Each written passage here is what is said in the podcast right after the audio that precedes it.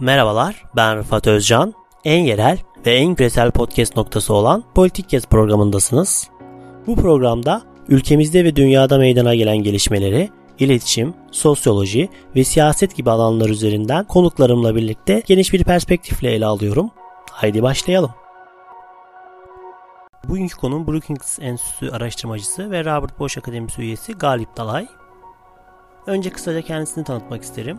İstanbul Üniversitesi İşletme Bölümünden mezun olan e, Galip Dalay, London School of Economics'te yüksek lisansını, Oxford'da ise doktorasını e, tamamlamıştır.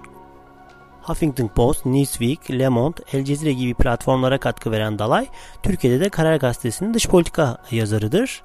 Kendisiyle bugün Arap Baharı sonrası iki farklı kutbu temsil eden Türkiye ve Birleşik Arap Emirlikleri'ni konuşacağız. Şimdi kendisine bağlanıyoruz. Programa hoş geldiniz Galip Bey. Hoş bulduk. Teşekkür ederim. Sağ olun e, davetimizi de kabul edip programa katıldığınız için. Çok mutlu ettiniz bizi. Bugün Galip Dalay ile Birleşik Arap Emirlikleri'nin ve bu ülkenin Türkiye ile Orta Doğu'daki çekişme noktalarını ele alacağız. İlk olarak da hocam şunu sormak istiyorum. Geniş bir bölgede kurduğu askeri üs bölgeleri söz konusu e, Birleşik Arap Emirlikleri'nin ve Arap Baharı süreciyle birlikte özel e, nüfusunun ciddi bir şekilde Orta Doğu'da arttığını görüyoruz. Geniş bir coğrafyada oldukça müdahaleci, proaktif, itirazlı bir dış politika izliyor. Söz konusu bu küçük devletin dış politikasının arkasındaki dinamikleri e, öncelikle sormak istiyorum. Daha önce daha çok parasal gücüyle gündeme gelen bu bir refah devleti olan Birleşik Arap Emirlikleri nasıl oldu da bu kadar hırslı ve Orta Doğu'da aktör olmaya çalışan bir devlete dönüştü. Bu biraz da Orta Doğu'daki değişimin öyküsünü yansıtıyor. Yani bu bugün bu çekte sadece Birleşik Arap Emirlikleri değil ama genel olarak Körfez ülkelerini konuşmamız Orta Doğu'daki ağırlık merkezinin geleneksel Arap devletlerinden Körfez ülkesine kaymasıyla alakalı. Tüm tarihsel olarak Orta Doğu'da işte Mısır gibi, Irak gibi, Suriye gibi daha geleneksel ağırlık merkezleri vardı. Fakat son yıllarda bu geleneksel ağırlık merkezleri son yıllarda da değil aslında. Epey bir süredir bu geleneksel ağırlık merkezlerinin ağırlığında dramatik ciddi bir azalma var. İşte Suriye iç savaş yaşıyor. Irak fiili olarak üç parçaya bölünmüş durumda. Yani siyaseten felç olmuş durumda. Ve Mısır'ın ise darbeden sonraki hali zaten ortada. Dolayısıyla da Orta Doğu'daki ağırlık merkezi Körfez'e kaydı. Sadece Birleşik Arap Emirlikleri değil son yıllarda bütün Körfez ülkelerinin özellikle de Birleşik Arap Emirlikleri, Suudi Arabistan ve Katar'ın epey aktivist bir dış politika izlediğine şahit olduk. Epey aktivist bir güvenlik politikaları, uluslararası ilişkiler ağını yönetmeye çalıştıklarına şahit olduk. Burada ise son yıllarda özellikle Birleşik Arap Emirlikleri daha fazla ön plana çıktı. Bunun işte dediğim gibi yani birinci sebebi Birleşik Arap Emirlikleri'nin bu ölçekte ön plana çıkmasının sebebi diğer geleneksel ağırlık aktörlerin bir şekilde resmin dışında kalmaları veya da resimdeki güçlerine bir azalma yaşamaları. Diğer bir sebep bu tabii ki finansal güçleri, sahip oldukları finansal güçleri, sahip oldukları finansal uh, networkleri ve uluslararası e, ittifak ilişkileri. Çünkü bu ülkeler aynı zamanda özellikle Batı nezdinden epey yakın ilişkilere sahipler Amerika ile veya da diğer batılı ülkelerle. Üçüncüsü de bunun üzerine işte bu finansal gücünü stratejik ve jeopolitik kazanımlarına daha sık bir şekilde aktarmaya çalıştığını görüyoruz. Ve özellikle de Arap Baharı'ndan sonra. Arap Baharı'ndan sonra bu Birleşik Arap Emirlikleri gittikçe kendisini Arap Baharı karşıtı dalganın en en ateşli, en hararetli savunucusu haline geldi. Bu Arap Baharı karşıtı e, dalganın. Zaten bu o, Birleşik Arap Emirlikleri son yıllardaki konuştuğumuz birçok müdahalesinde hala Arap Baharı yelpazesiyle Arap Baharı perspektifiyle okumamız gerekir. Katar müdahalesinden e, Libya'ya, oradan işte Mısır darbesine, oradan işte Orta Doğu'nun diğer e, sıcak bölgelere müdahalelerine işte e, Yemen gibi, işte hatta kısmı olarak Suriye gibi. Dolayısıyla burada Arap Baharı'ndan sonra bölgesel bir yarılma yaşandı. Bu bölgesel yarılma e, 3-5 aşamalı yaşandı. Bu temelde bölgenin geleceğiyle alakalı. Bu böl- bir bölgesel dizayn, bir bölgesel düzen tasavvurların çatışmasına şahit oldu olduk. Burada da işte Arap Birliği kendisini bu otoriter bölgesel düzenin, işte otoriter rejimlerin en en hararetli, en sesli savunucusu haline getirdi. E, hatta bunu işte Suudi Arabistan'dan dahi daha fazla yapan bir aktöre dönüştürdü. Zaten bunun bir sonucu olarak da işte Türkiye ile, işte Orta Doğu'daki İslami yapılarla, işte Katar'la daha sık bir e, karşı karşıya gelme durumunu yaşadık. Biraz Arap Baharı'ndan işte bahsettiniz aslında ama yine de şeyi sormak istiyorum yani Arap Baharı öncesi ve sonrası Birleşik Arap Emirliği emirliğin, emirliklerin dış politikadaki farklılıklarını nasıl ayırt edebiliriz? Arap Baharı onların e, bazı kaygılarını mı tetikledi bu kadar proaktif dış politika izlemeye başladılar? Arap Baharı herkesin kaygılarını etkiledi bölgede. Çünkü en nihayetinde toplumsal bir meşruiyetle iktidarı kullanmayan herkes kaygılandı Arap Baharı'ndan. Çünkü en nihayetinde Arap Baharı yani bir meşruiyet, meşruiyet başkaldırısıydı. Bir işte siyasal özne olma talebi, bir siyasal aktör olma talebi başkaldırısıydı. Bir sisteme müdahale edebilme talebiydi. İnsan gibi yaşama talebiydi. Ekonomik olarak, siyasal olarak, iktisadi olarak. Dolayısıyla bölgede siyasal gücünün e, meşruiyet zemini muammalı olan veyahut da e, çok da güçlü olmayan bütün aktörler Arap Baharı'ndan kaygı duydular. Çünkü en nihayetinde mesele şöyle baktılar. Bu Arap Baharı'nda işte Tunus'ta veya da Mısır'da yakılan bu ateş bir gün er veya geç Körfez'e de ulaşacak, diğer yerlere de ulaşacak. Dolayısıyla Birleşik Arap Emirlikleri de Suudi Arabistan'da, işte Mısır'da darbeden sonra tabii ki. Yani Arap dünyasının 3 aşağı 5 yukarı meşru bir rejim türüne sahip olmayan veya da ismi ölçüde demokratik kanalların tüketilmediği her yer buradan bu süreçten çok ciddi manada kaygı duydu. Fakat bu kaygıyı maksimum yaşayan ülkelerin başında Birleşik Arap Emirlikleri geliyordu. Yani bu aslında paradoksal olarak da biraz da bir e, ilginç bir durumla karşı karşıyayız. Çünkü normalde Müslüman kardeşlerin Birleşik Arap Emirlikleri'nin devasa bir ağa sahip olduğu söylenemez. Yani Mısır'daki gibi veya hatta hatta, hatta Suudi Arabistan'daki veya hatta diğer birçok ülkedeki gibi. Fakat buna rağmen bu o,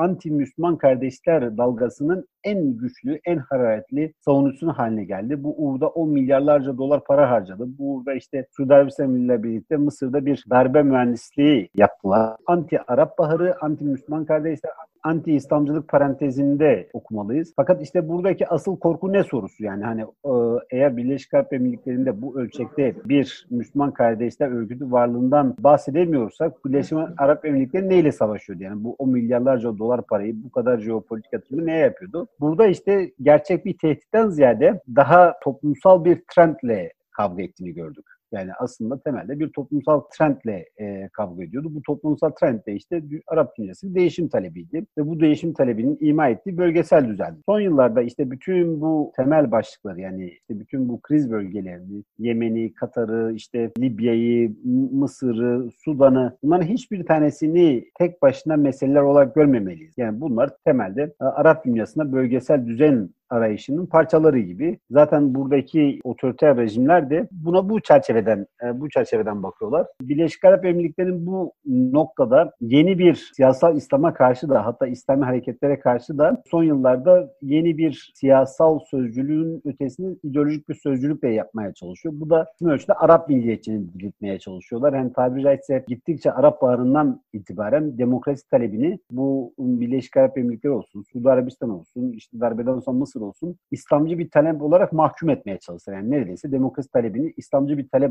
olarak kodlamaya çalıştılar. Batı'yı bunun üzerinden korkutmaya çalıştılar. E, bu aslında İslamcı hareketlere çok ciddi manada bir moral veyahut da bir ahlaki üstünlük sağlıyordu. Çünkü demokrasi mücadelesi e, ciddi manada İslamcı bir talep olarak gündeme gelmesi buradaki aktörlere de epey bir zemin kazandırıyor. Şimdi buna karşı ise Arap Baharı bu bir kısmı ölçüde siyasal İslam'ı reddetme, İslamcı hareketleri reddetme ama kısmı ölçüde Türkiye ve İran'ın Arap dünyasındaki nüfusunu dengelemek için çok ciddi e, Arap milliyetçiliği söylemine epey sarıldığını görüyoruz. Bunu Katar ablukasındaki talep listesinde görebiliyorsunuz. Daha önceki işte devlet yetkililerinin söylemlerinde bunu görebiliyoruz. İşte en son Libya'ya dair kullanılan cümlelerde bunu görebiliyoruz. Fakat sıkıntı şu, bu Arap milliyetçiliği gittikçe Arap sokağından korkan bir ideolojiye dönüşüyor. Yani bu otoriter dörtlü dediğimiz Birleşik Arap Emirlikleri, Mısır, Suudi Arabistan ve Bahreyn yani söylemsel olarak gittikçe Arap milliyetçiliğini daha fazla kullanıyorlar. Fakat kullandıkları formuyla da Arap milliyetçiliği Arap sokağından korkan bir yapıya dönüşüyor. Bu da biraz Arap Baharı sonrası bölgesel yarılmaya bir resim tutuyor.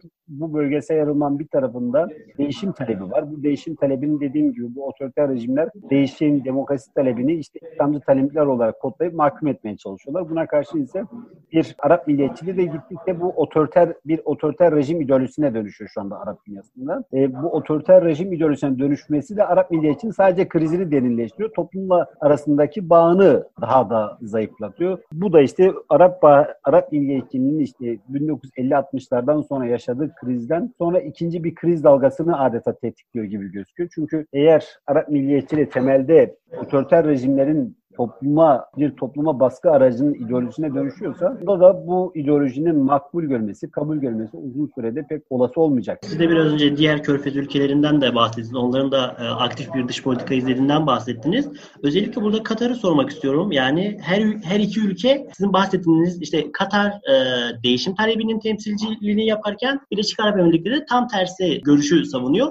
Bu iki ülkenin bu kadar farklılaşmasının nedenleri olarak neler e, söyleyebilirsin? Ya bu yani birincisi Katar'ın muhtemelen tarihsel güvenlik kaygıların üst batağında öncelikle Suudi Arabistan yer alıyor. Yani muhtemelen Katar tarihsel olarak en büyük tehlikeyi. Çünkü bu biraz şu kadere uğramamak için de bu yapılıyor. Katar Bahreyn'e baktığında, Bahreyn, Suudi Arabistan Bahreyn'le kurduğu ilişkiye baktığında Bahreyn adeta Suudi Arabistan'ın bir vilayeti gibi temelde. Neredeyse Bahreyn'in hiçbir önemli iç dış güvenlik politikası yok ki Suudi Arabistan etkisi bundan hissedilmesin. Şimdi Katar tabiri caizse bir Bahreynleşmek istemiyor. Daha önce de işte bu sadece Arap Baharı'ndan sonra değil, Arap Baharı'ndan önce de bir Bahreynleşme sürecine girmek istemiyor. Bahreynleşme sürecine girmek istemediğinizde de kendinizi işte Suudi Arabistan'a karşı daha fazla kendinize koruma kalkanı sağlıyorsunuz. Kendinizi işte daha fazla farklı ittifak ilişkilerinin içerisine dahil ediyorsunuz. E mesela El Cezire hikayesi biraz böyle bir şeydi. Yani El Cezire Katar'ı haritada konumlandırdı.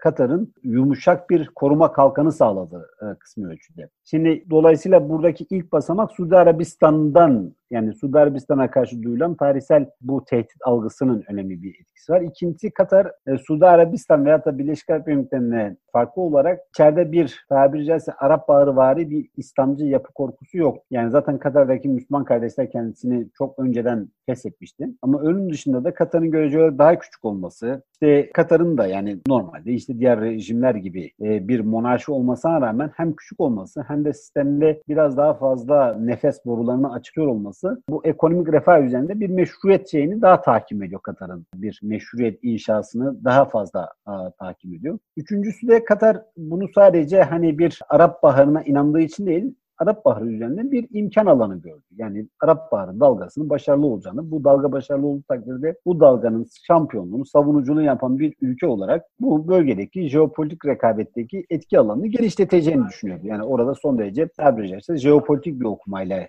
ideolojik bir okumadan ziyade jeopolitik bir okumayla yani böylesi bir e, yatırım yaptı. E, buna karşın Suudi Arabistan ve Birleşik Arap Emirlikleri de daha demin anlattığım gerekçelerle tam tersi bir okuma yaptılar ve ta, tam tersi yatırımlar yaptılar. Zaten bu Katar'la bu ülkeler arasındaki kriz temelde bir Arap Baharı krizi, temelde bir bölgesel düzen krizi. Yani bu bölgesel düzenin iki farklı e, bölgesel düzen tezinin, iki farklı bölgesel düzen önerisinin yaşadığı krizdi. Çünkü en nihayetinde Arap Baharı muhtemelen son yüzyılda bu hemen sömürgecilik sonrası dönemi çıkaracak olursak veyahut da işte bu ülkelerin sömürgeler sömürgeden kurtulma dönemlerini dışarıda tutacak olursak Arap Baharı şu ana kadar bölgenin nasıl bir geleceğe sahip olmasının, bölgede toplum devlet ilişkilerinin, işte bölgede bireyle devlet ilişkisi buna benzer birçok başlıkta çok net olmasa dahi en anlamlı tezlerden birini tem- temsil ediyordu. Buna karşı ise bu otoriter rejimler bir daha çekici bir alternatif tez önermekten ziyade bu tezi biraz trajediyle boğmaya çalışıyorlardı. Trajediyle terbiye etmeye çalışıyorlardı. Toplumu bu tezden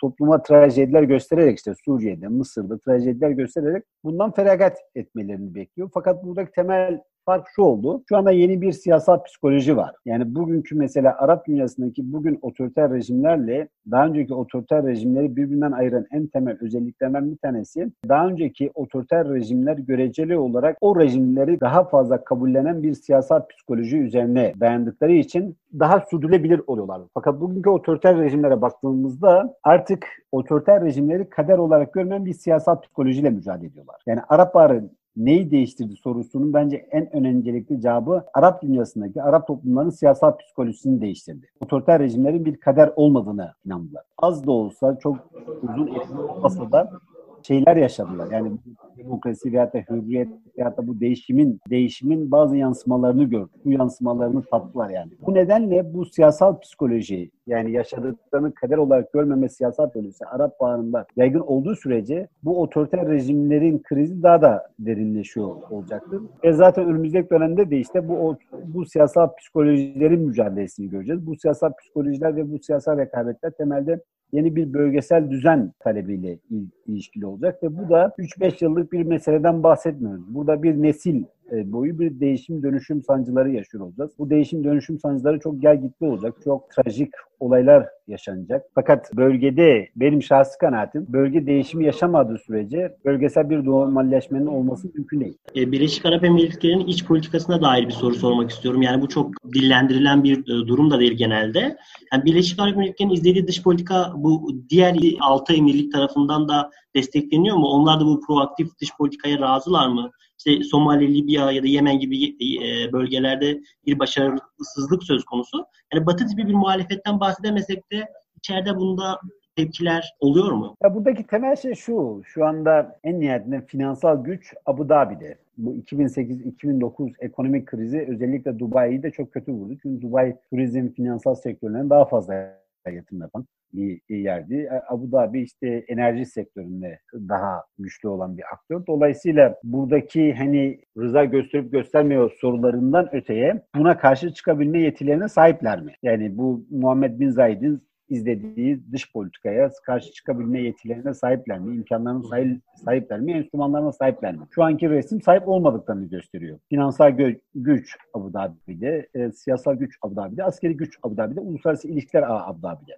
Dolayısıyla hani muhtemelen diğer ligler bu ölçekte gölgede bırakamayı, bu ölçekte bir aktivist dış politikaya ram olmalarından mutlu değillerdir. Fakat bu politikayı da ortadan kaldırabilecek ya da bu politikaya da e, muhalefet edebilecek, bunu red edebilecek de askeri, siyasal, ekonomik koşullara sahip gözükmüyorlar. Bu nedenle de yani onlar ne hissediyor sorusu bir analiz ögesi olarak anlamlı olabilir ama siyasal sonuçları açısından çok anlamlı değil. Çünkü iyi mi yani buna taraftarlar mı, karşıtlar mı e, sorusunun şu anda siyaseten bir sonucu yok. Çünkü en nihayetinde e, bu politikayı çok da değiştirebilecek enstrümanlara sahip gö- gözükmüyorlar. Bu nedenle de dediğim gibi yani bunun bir siyasal sonuçlar perspektifiyle bu meseleye baktığımızda e, ne hissettiklerinin çok da anlamı yok yani şu aşamada. Birleşik Arap Emirlikleri'nin bir e, aktif dış politikasını sürdürebilirliği var mı? Hem parasal hem de bölgenin büyük ülkeleri olan İran ve Türkiye ile boy ölçüşmesi mümkün mü size göre? Bazen müttefi olan Suudlarla da e, sürtüştüklerini görüyoruz. Yani para onlar için her şeyin bir çözümü olacak mı? Sürdürülür mü soru, soruları genellikle şunu içermesi gerekiyor nasıl bir zaman diliminden konuşuyoruz? Eğer mesela 2 iki yıllık bir zaman diliminden konuşuyorsak evet sürdürülebilir ama 20 yıllık bir zaman diliminde konuşuyorsak şahsi kanaatim sürdürülemez. Buradaki sürdürülür mü sorusu sadece Birleşik Arap Emirlikleri ile alakalı bir soru değil. Yani bu bölgedeki diğer ülkeler nasıl bir e, dönüşüm, nasıl bir değişim geçirecekleriyle alakalı. Yani Suudi Arabistan belli bir süre sonra e, hacim olarak Birleşik Arap Emirlikleri'nin büyük olmasından anda mütevellit şu olacak mı yani? Birleşik Arap Emirlikleri'nin bu yaptıklarından ciddi rahatsız olup aradaki mesafeyi mi açacak? Yoksa e, oraya göz mü yumacak? Veyahut da işte Türkiye ile İran, Birleşik Arap Emirlikleri'ne tabiri caizse bir ders mi vermeye çalışacaklar yoksa epey uzun bir süre yaptığı gibi bunu tolere mi edecekler? Yani burada sürdürülebilir mi sorusu biraz zaman dilimiyle ilişkili bir soru. Birleşik Arap Emirlikleri kısa vadede bu aktivizme devam edecektir. Ama uzun vadede bu aktivizmi sürdürebilecek hacme de sahip gözükmüyor. İlişkilerin derinliğine de sahip gözükmüyor. İkincisi de bu ekonominin geleceği de sanki buna dair çok iyimser bir resim ortaya koymuyor. En nihayetinde bu o enerji piyasaları e, bir süredir epey bir sıkıntı yaşıyor. Bu piyasaların e, kısa ve orta vadede de bu sıkıntılarının pek gideceğine dair bir emare gözükmüyor şu anda. Dolayısıyla da muhtemelen önümüzdeki dönemlerde Birleşik Arap Emirlikleri bu izlemek istediği dış politika ile alakalı sürekli bunun limitlerini görecektir. Fakat bu limitler e, ciddi manada Birleşik Arap Emirlikleri birçok noktada, birçok bölgede karmaya mı yol açacak? Bunlara tabiri caizse sahanın dışına, masanın dışına atılmasını sağlayacak mı? Onu da işte dediğim gibi yani bu diğer ülkelerin ne kadar sert bir karşıt politika izleyeceğiyle alakalı. Ama şunu söyleyebiliriz. Bu politikanın işte bu son dönemlerde yaşananlar dahi bu politikanın limitlerini gösteriyor. Yani işte Katar krizi şunu gösterdi. E, Katar gibi küçük bir devlette dahi işte Suudi Arabistan, Birleşik Arap Emirlikleri, Mısır, Bahreyn istediği sonucu alamadı. E şimdi Libya'da mesela bu o, finans merkezli müdahalelerin limitlerini görüyor. Şu anda gördüğümüz şey şu, Birleşik Arap Emirlikleri yani sorun çıkarabilme, baş arıtabilme kapasitesi hala yüksek ama dramatik bir şekilde sonuç değiştirme kapasitesi eğer diğer aktörler ciddi manada bir politika izledikleri takdirde o kadar yüksek değil. Libya'da işte bunu net bir şekilde görüyoruz. Türkiye ve Katar Arap Baharı sonrasında benzer bir dış politika izlediğini görüyoruz. Bölgede iki ülkenin temsil ettiği her şeyin karşısında Birleşik Arap Emirlikleri de Suudları e, görüyor gibiyiz. Bunun sonrasında bir de gerçekleşen 15 Temmuz darbe girişiminin Birleşik Arap Emirliği'nin işte parasal desteği verildiği iddiaları söz konusu.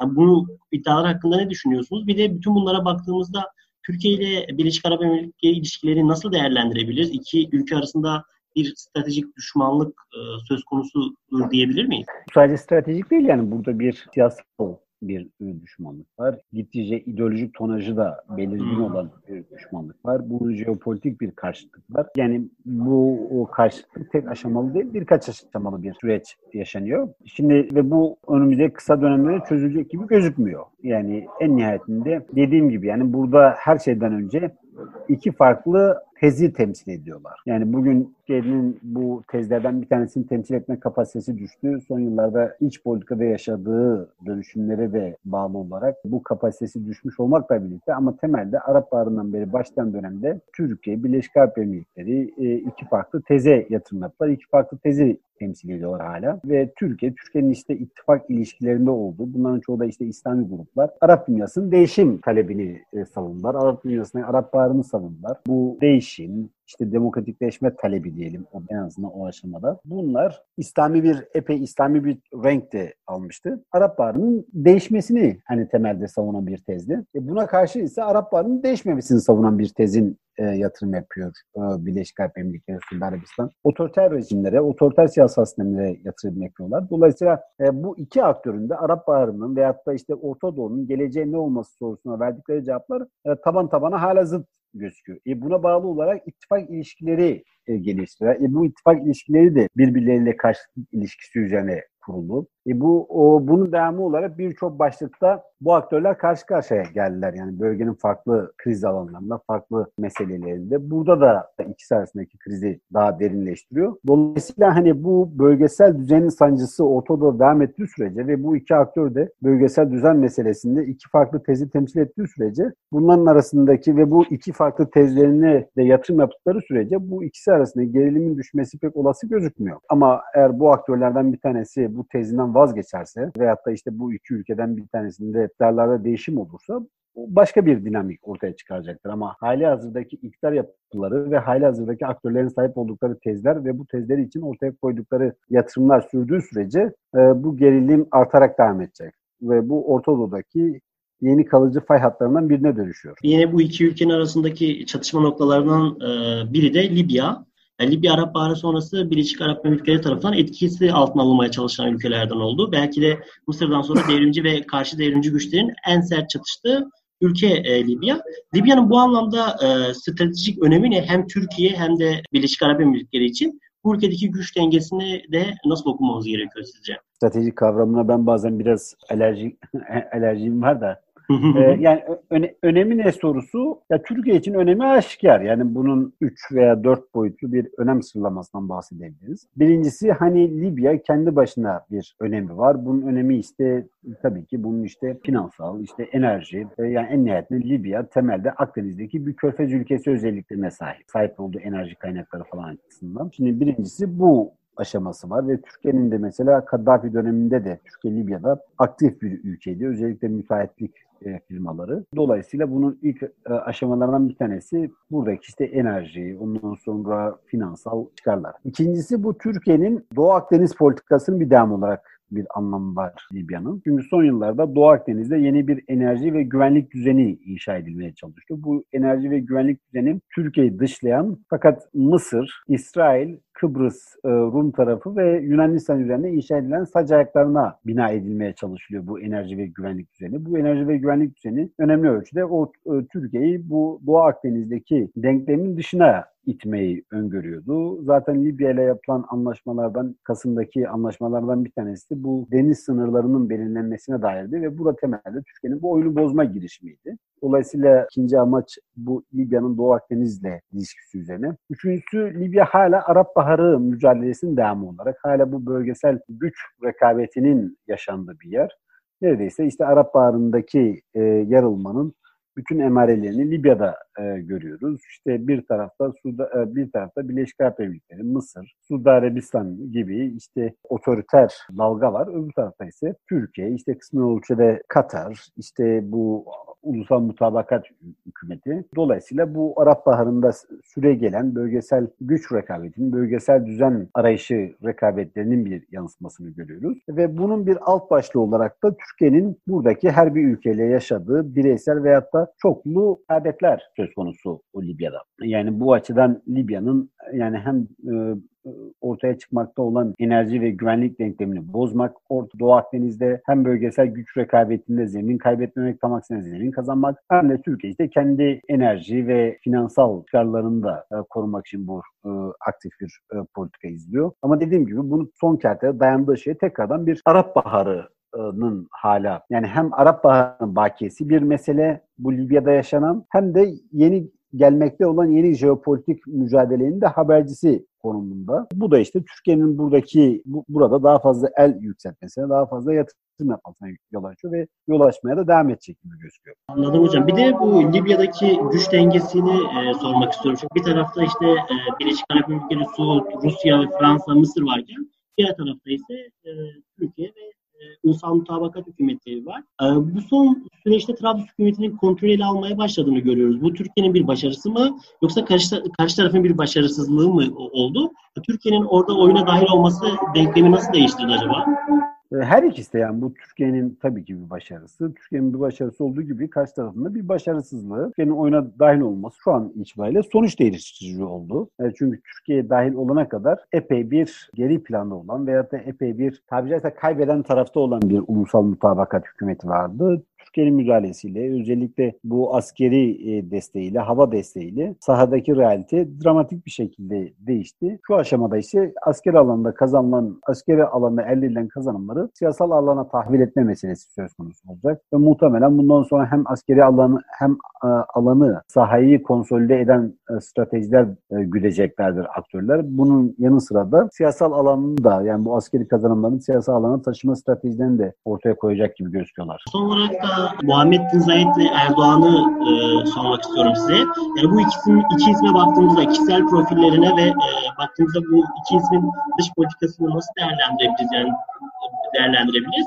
İki ülkenin izlediği dış politikalara, politikalarda bu ikisinin kişisel profilleri, liderlik ve becerileri üzerinden siyasi vizyonlarını nasıl değerlendirebiliriz? Bunların istekleri ve vizyonları üzerinden bu dış politikaları yapmak mümkün müdür? Belki buna Muhammed Bin Selman da dahil edebilir. Yani hani yani kişisel özelliklerinden bahsetmek ne kadar kolay emin değilim yani. Hani Muhammed Bin Selman'ın şu ana kadar medya üzerinde takip ettiğimiz kişisel özellikleri var. Fakat yakında bunların nasıl kişisel özelliklere sahip oldukları, nasıl siyasal psikolojilere sahip olduklarını çok yakından tahlil etmek veya çok yakından izlemek pek olası olmadığı için orada çok sahici bir kişisel veyahut da psikolojik analiz yapmamız veyahut da liderlik tarzlarına dair bir analiz yapmamız o kadar e, kolay değil yani. Yapılacak analizler de muhtemelen yüzeysel kalacak. Burada bu tür analizlerden ziyade şu analizi e, daha anlamlı oluyor. Nasıl bir geleceğe yatırım yaptıkları önem kazanıyor, anlam kazanıyor. Çünkü nasıl bir gelecek yatırım yaptıkları, nasıl bir strateji, nasıl siyaset izleyeceklerini ortaya koyuyor. Burada da özellikle bu Muhammed Bin Zayed, özellikle Muhammed Bin Selman olsun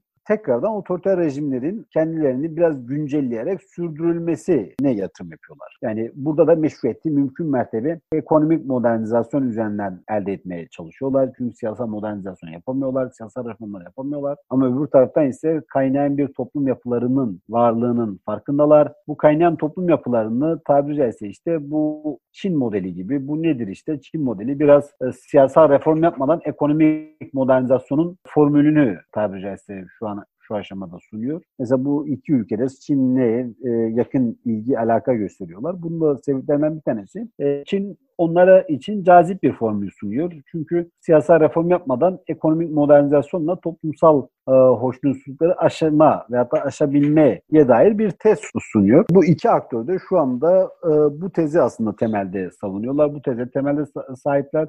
Bu nedenle zaten işte birçok e, ekonomik reform veyahut da işte Neom projesi veyahut da işte e, Suudi Arabistan'ın 2030 projesi gibi e, te, temelde ekonomik e, reform projeleri, ekonomik güncellenme projelerini duyuyorsunuz ama burada olmayan şey siyasal reform yok. İşte Orta Doğu gibi bölgelerde de siyasal reformdan bağımsız bir şekilde ekonomik reformla toplumsal rızayı ne kadar elde edebilirsiniz? Bu soru işareti şahsi kanaatim bundan çok da fazla elde edemeyeceğiniz yönünden. Dolayısıyla iki aktörü e, yatırım yaptıkları gelecekler üzerine değerlendirmek daha anlamlı olur diye düşünüyorum. E, çok teşekkür ederim hocam. Benim sorularım burada bitti. E, programa da daveti kabul edip katıldığınız için tekrardan çok teşekkür ediyorum. Rica ederim. Ben teşekkür ederim. Çok sağ olun. Galip Dalay ile Birleşik Arap Emirlikleri ile Türkiye'nin bölgedeki e, çekişmelerini ve Libya meselesini ve Birleşik Arap Emirlikleri'nin dış politika vizyonunu ele aldık. Bizi dinlediğiniz için teşekkürler.